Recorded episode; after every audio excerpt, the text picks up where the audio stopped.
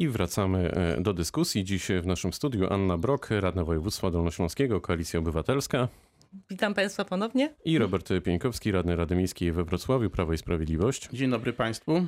Panie radny, a czy pan jest zaskoczony postawą tych, e, którzy nie poparli e, Funduszu Odbudowy i, czyli, i czy jak na przykład obserwował pan zachowanie i retorykę z ostatnich tygodni koalicjantów, czyli Solidarnej Polski, to patrzy pan z optymizmem w przyszłość? Oczywiście, ja patrzę z optymizmem. Akurat ja patrzę z optymizmem w przyszłość. Akurat to jest moja cecha, która, yy, która jest mi obecna, można powiedzieć, że od zawsze, a nawet yy, zdarza się choćby mojej żonie zarzucać mi, że ja ciągle jestem niepoprawnym optymistą i wierzę, że się wszystko uda. E, ale tak jest naprawdę. E, Zjednoczona Prawica e, na pewno dokończy swoją kadencję. Misja którą obiecaliśmy w programie, jest realizowana. Oczywiście to nie jest tak, że to jest zawsze, komfortowa sytuacja. zawsze i wszędzie mamy identyczne zdanie. Tak jak w małżeństwie też nie jest zawsze idealnie, ale, ale z każdego z każdego, no powiedzmy, jakiegoś nieporozumienia, także potrafimy y, wyjść, y, no można powiedzieć, cało. Żeby zaraz Oczywiście... pana żona do nas nie zadzwoniła do studia. Oczywiście jest tak, że, mm, że y, stanowisko y, Solidarnej Polski, zresztą, no, jak się okazuje, y, nie, nie wszystkich jej przedstawicieli, choćby po głosowaniu to, to, to można było dostrzec, no jest dość, powiedzmy, stanowcze, ale te obawy, które skądinąd my również podzielamy, bo właśnie to, o czym pani radna przed przerwą wspominała, jeśli chodzi o kwestię OB owego, e, owego weta potencjalnego, e, to, to przecież to wynikało również e, z potencjalnych zagrożeń związanych z łączeniem tych, wykorzystania tych funduszy z ewentualnym rzekomym potencjalnym y, zagrożeniem dla demokracji, czy też dla łamania praworządności. I oczywiście my jak najbardziej też rozumiemy y, zastrzeżenia Solidarnej Polski, natomiast nie podzielamy obaw, które polegają chociażby na tym, że istnieje obawa federalizacji Polski, czy też w ogóle Unii Europejskiej jako takiej, że Unia Europejska będzie e, jakby narzucać Polsce no, na przykład sprawowych mitycznych podatków w cudzysłowiu, e, to z całą pewnością e, nie dopóki w każdym razie rządzi Prawo i Sprawiedliwość, jest u władzy, jednak decyduje o sprawach na styku Polska-Unia Europejska, te zagrożenia są, jestem o tym przekonany, no można powiedzieć, niegroźne znaczy niegroźne, one, one są potencjalnie obecne, są istniejące, y, natomiast y, na pewno damy sobie, damy sobie z nimi radę i te obawy y, no, i, znaczy są zbyt, zbyt daleko idące. Jest pani przekonana, uspokojona? Jeżeli chodzi tutaj e, o Zjednoczoną Prawicę, to oczywiście są sprawy wewnątrz tej, e, tej koalicji i problemy tej, tej formacji są, e, można powiedzieć, problemami tej formacji, o ile to nie przekłada się na politykę ogólnopolską, a w konsekwencji na politykę międzynarodową. Rozłam, jaki tutaj zaistniał Solidarną Polską w koalicji w państwa, państwa formacji, a, a zagłosowanie e, ręka w rękę z lewicą daje e, pewien asumpt do myślenia o tym, że niekoniecznie ta e, koalicja, ta państwa formacja przetrwa w takim kształcie, jak jest. Oczywiście to są wewnętrzne wasze państwa sprawy, ale nawet my jako obywatele generalnie Polski, niekoniecznie już u, zaangażowani politycznie, może, przyglądając się w takim zawirowaniom, możemy stwierdzić, że formacje, e, formacje e, państwa władzy i lewicy, e, w sumie no, można mieć obawy, że się w końcu dawny PZPR z dzisiejszym PiSem po prostu poda rękę i pójdą razem jako jedna wspólna formacja. No to Ale to są, tak jak mówię, ja to powiedziałam w, w, jako, jako obywatelka Polski, niekoniecznie tutaj To czy- reprezentuję e, zdanie Koalicji Obywatelskiej. To czy, to czy w takim razie pani zdaniem lewica wykazała się odpowiedzialnością czy raz, naiwnością? przepraszam? Czy lewica wykazała się odpowiedzialnością czy naiwnością? E, Wykazała się swoim własnym, e, nie wiem, czy krótko, czy daleko idącym e, interesem partyjnym. I tylko i wyłącznie w tym, A w nie tym interesem zakresie. obywateli i ich wyborców? E, No, wyborcy e, pokażą, e, czy, czy im to rzeczywiście na rękę, że partia, która cały czas e, To twierdziła, że jest zatrzymajmy się, anty, to zatrzymajmy się tu na chwilę, bo są już pierwsze sondaże po tym tak. wszystkim, co się wydarzyło. I wyborcy Platformy krytycznie ocenili decyzję partii. Natomiast wyborcy wszystkich partii, które zagłosowały za, są zbudowani tą postawą. Ale postawą lewicy? Między innymi PSL-u, Polski 2050, No to jeszcze raz panu Hołowni. powiem, bo y, clue sprawy nie Więc leży w tym, żeby pytanie, czy zagłosować wyborcy za Platformy czy to przeciw. rozumieją? Y, No właśnie, to jest też kwestia przekazu. Biorąc pod uwagę, jakie mamy, y, no może tutaj nie będę y, oceniała y, jednej z najważniejszych y, stacji telewizyjnych, ale y, abstrahując właśnie to, że y, nie przebija się do opinii publicznej właśnie ta prośba o przesunięcie tylko tego głosowania, żeby mogły wszystkie ugrupowania y, reprezentujące naród polski, czyli i, i strona samorządowa, i, y, i y, organizacje pozarządowe, y, i, y, i, i inne, inne formacje, i, różne, i wszystkie partie polityczne, żeby mogły Wejdę w słowo, wspólnie przepraszam, wejdę w słowo, ale wydać opinię i rzeczywiście zagłosować. kilkadziesiąt minut temu, Tak. że wszystkie partie, wygląda na to, zdążyły porozmawiać na ten temat, tylko Koalicja Obywatelska jest e, zaskoczona. Nie tak do końca zaskoczona. Jeszcze raz mówię, nie była przeciw. Y, Przeciw była Solidarna Polska. To trzeba wyraźnie powiedzieć. E, Wstrzymała Koalicja się, Obywatelska się wstrzymała, a Solidarna Polska, czyli formacja Prawa i Sprawiedliwości z e, Zjednoczonej Prawicy, e, zagłosowała przeciw. Więc nie, nie skupiajmy się na tym, że Platforma Obywatelska chciała większej dyskusji. Mam nadzieję, że teraz, kiedy to trafiło do Senatu, będzie, będzie można przeprowadzić taką dyskusję. Będą, będą na pewno wniesione poprawki. I teraz pytanie jest takie, czy te poprawki zostaną uwzględnione, czy nie. Ale biorąc pod uwagę, że i tak rząd już wysłał pl- e, plan odbudowy już do, do Unii No Europejskiej. teraz także Komisja to- Europejska może nanieść swoje poprawki. Tak, Spodziewa tak, się tak. pan, panie radny, że e, Senat będzie wnosić mnóstwo poprawek, że będziemy mieć wielotygodniową w zasadzie, bo jest to możliwe, e, dyskusję jeszcze na ten temat? Wydaje mi się, że y, sprawy, czy powiedzmy procedury, procedowanie w Senacie przebiegnie nam dość y, szybko i sprawnie, wbrew y, potencjalnym zapowiedziom chociażby marszałka Senatu, pana Tomasza Grodzkiego, który no, może rytualnie, ale jakoś tutaj zapowiada jakieś tam dłuższe debatowanie, choć jak wiadomo dokument, nad którym będą debatować od, od siebie na jednej kartce, a nawet na połowie kartki A4, więc y, tam y, no, zbyt wiele y, do poprawienia nie ma. W zasadzie no, już nie można zmienić nawet jednej kropki.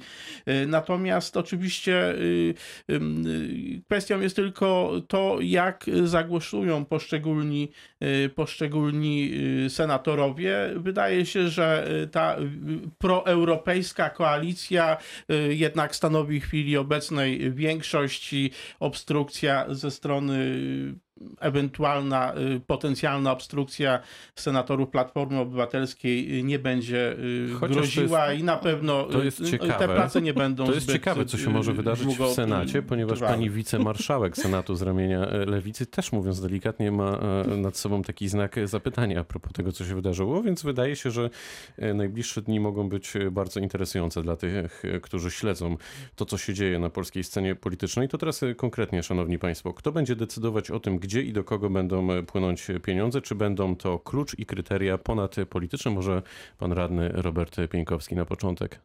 Y, Prawo i Sprawiedliwość, y, Zjednoczona Prawica już y, w toku tych prac przygotowawczych do ratyfikacji no, prowadziła y, konsultacje. Y, Nie chciałbym powiedzieć, że y, takie rozmowy przebiegają y, idyllicznie. Oczywiście y, jest tak, że y, każdy poseł, czy senator, czy też y, radny, prezydent miasta reprezentuje swoje miasto, swój okręg wyborczy i oczywiście każdy pewnie chciałby, aby ta jego okolica kwitła najbardziej, więc z całą pewnością y, no, nie uda się nigdy y, znaleźć takiego rozwiązania na, na wydanie y, owych środków, y, aby dosłownie wszyscy byli mm, zadowoleni. Natomiast jedno, co jest pewne, że skorzystają na tych środkach wszyscy Polacy unblock, jako, jako Polska i w ciągu tych Dopytam, o panie siedmiu... radny, czy to będzie podział ponadpolityczny? Z całą, Da się to pewnością, z całą pewnością będą to pieniądze przyznawane bez klucza politycznego. Pani radna?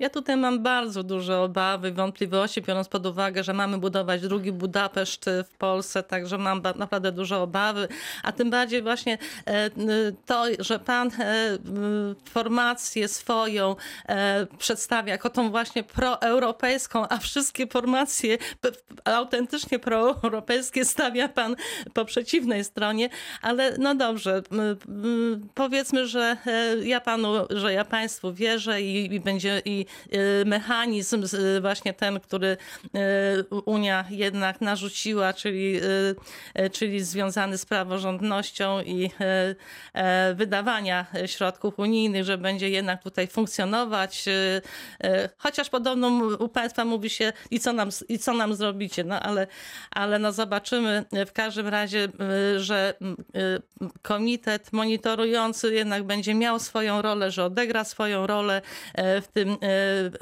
dzieleniu e, pieniędzy, które od wielu lat e, Platforma Obywatelska i wszyscy, wszystkie ugrupowania prodemokratyczne, proeuropejskie e, w Unii Europejskiej e, e, negocjowały i tutaj duży nacisk, żeby jednak premier Polski nie wnosił weta i, i te środki unijne jednak do Polski trafią z zachowaniem praworządności. Także myślę, że tutaj ten, ta, ten nadzór powinien zadziałać. Y, Panie radnej się chyba pomyliły y, nazwiska i opinie, bo to y, były poseł Platformy Obywatelskiej Stefan Niesiołowski mówił, że wygrajcie sobie wybory, to będziecie mogli postulować to czy tamto. My, my w Prawie i Sprawiedliwości przede wszystkim jak, jak mówimy, ob- obiecujemy, to przede wszystkim dotrzymujemy słowa i oczywiście realizujemy konsekwentnie no, interes y, narodowy, interes y, Polaków jako, jako całości. Nawiasem mówiąc, y, staramy się w każdym razie rozwijać Polskę y, równomiernie i no, tutaj pani, pani radna y, pokazuje, y, że, że, że to nie jest pr- prawda prawdopodobnie, ale jednak y, tak jest. To o tym, y, o tym, na to też wskazują sondaże, nawiasem mówiąc, y, gdyż te opowieści o tym, jak to tutaj choćby jest demokracja łamana, albo te aluzje y, nawiązujące do PZPR-u, no, no nie chcę wypominać y, tych y, prominentnych polityków y, PZPR-u, którzy dzisiaj y, brylują na salonach y, Koalicji Obywatelskiej, Leszek Miller chociażby, czy też y, y, Danuta Hibner, czy jeszcze wielu, wielu, wielu innych. Także ja bym y, unikał tego delikatnego, śliskiego dla was tematu obecności chociażby na antyklerykalnych wiecach środowisk feministycznych. Także y, może, może te, tego odpowiedzieć. tematu nie dotykajmy. Ja tylko powiem, że jeżeli chodzi o, o, o, koalicję państwa z PZPR-em, no to już mamy na, w najwyższym, e, w najwyższym, najważniejszym e, gremium, jakim jest Trybunał Konstytucyjny. Kto, pan, to już nie będę, nie będę wspominać, bo to wszyscy e, nasi słuchacze wiedzą. Natomiast tak, państwa, że tak powiem, hasło niemalże na, na początek państwa e, e, e, władzy, kiedy państwo określiliście, e, kto ma być lepszym sortem, e, jak macie dzielić społeczeństwo i jak ten, jak ten sort się pięknie u Państwa rozwija. Mamy przykłady. E, Też, też myślę, że jeżeli chodzi o, o, o fortuny, jakie są budowane przy Państwa udziale, to faktycznie jest budowa tego lepszego sortu. No, Znowu pani radna y, no, próbuje tutaj pewne słowa i zdania przekręcać. Y, My y, naprawdę, proszę y, mi wierzyć, y, y, dla dobra Polaków y, potrafimy iść na kompromis, y, jesteśmy gotowi do dialogu, y, jesteśmy gotowi uwzględniać y, postulaty, choćby nawet y, lewicy, y, tylko trzeba po prostu siąść do stołu i rozmawiać. Oczywiście można prowadzić ten dialog poprzez, y, y, poprzez y, konferencje prasowe bądź y, y, sposób y, no, zupełnie momentalny, y, absurdalny dokonywać wolt. y, y, Najpierw y, y, no, żądać, żądać natychmiastowej y, ratyfikacji, a potem z kolei prze, przeciwko owej ratyfikacji głosować, bo nawet wstrzymanie się de facto jest y, głosowaniem y, przeciwko. My jesteśmy za Unią Europejską i tak pozostanie. Tak a propos nastrojów politycznych i sondaży, wczoraj ukazał się sondaż tygodnika Wprost, w którym zadano pytanie, który z wymienionych polityków pana pani zdaniem byłby najlepszym premierem. Pierwsze miejsce w sondażu zajął Mateusz Morawiecki z poparciem na poziomie 31% głosów, drugi prezydent Warszawy Rafał Trzaskowski prawie 24%, trzeci sondażowe podium zamyka lider Polski 2050 Szymon Hołownia, który zdobył tych procent głosów 11,5. To tak a propos tego, chociaż to jest oczywiście tylko sondaż i, e, i, i, to mm, jednej e, sondażowni. E, Na co w pierwszej e, kolejności powinny pójść pieniądze, pani radna? Jak pani patrzy na Dolny Śląsk, na swoją małą ojczyznę, czyli Głogów, to gdzie pani widzi największe zapotrzebowanie?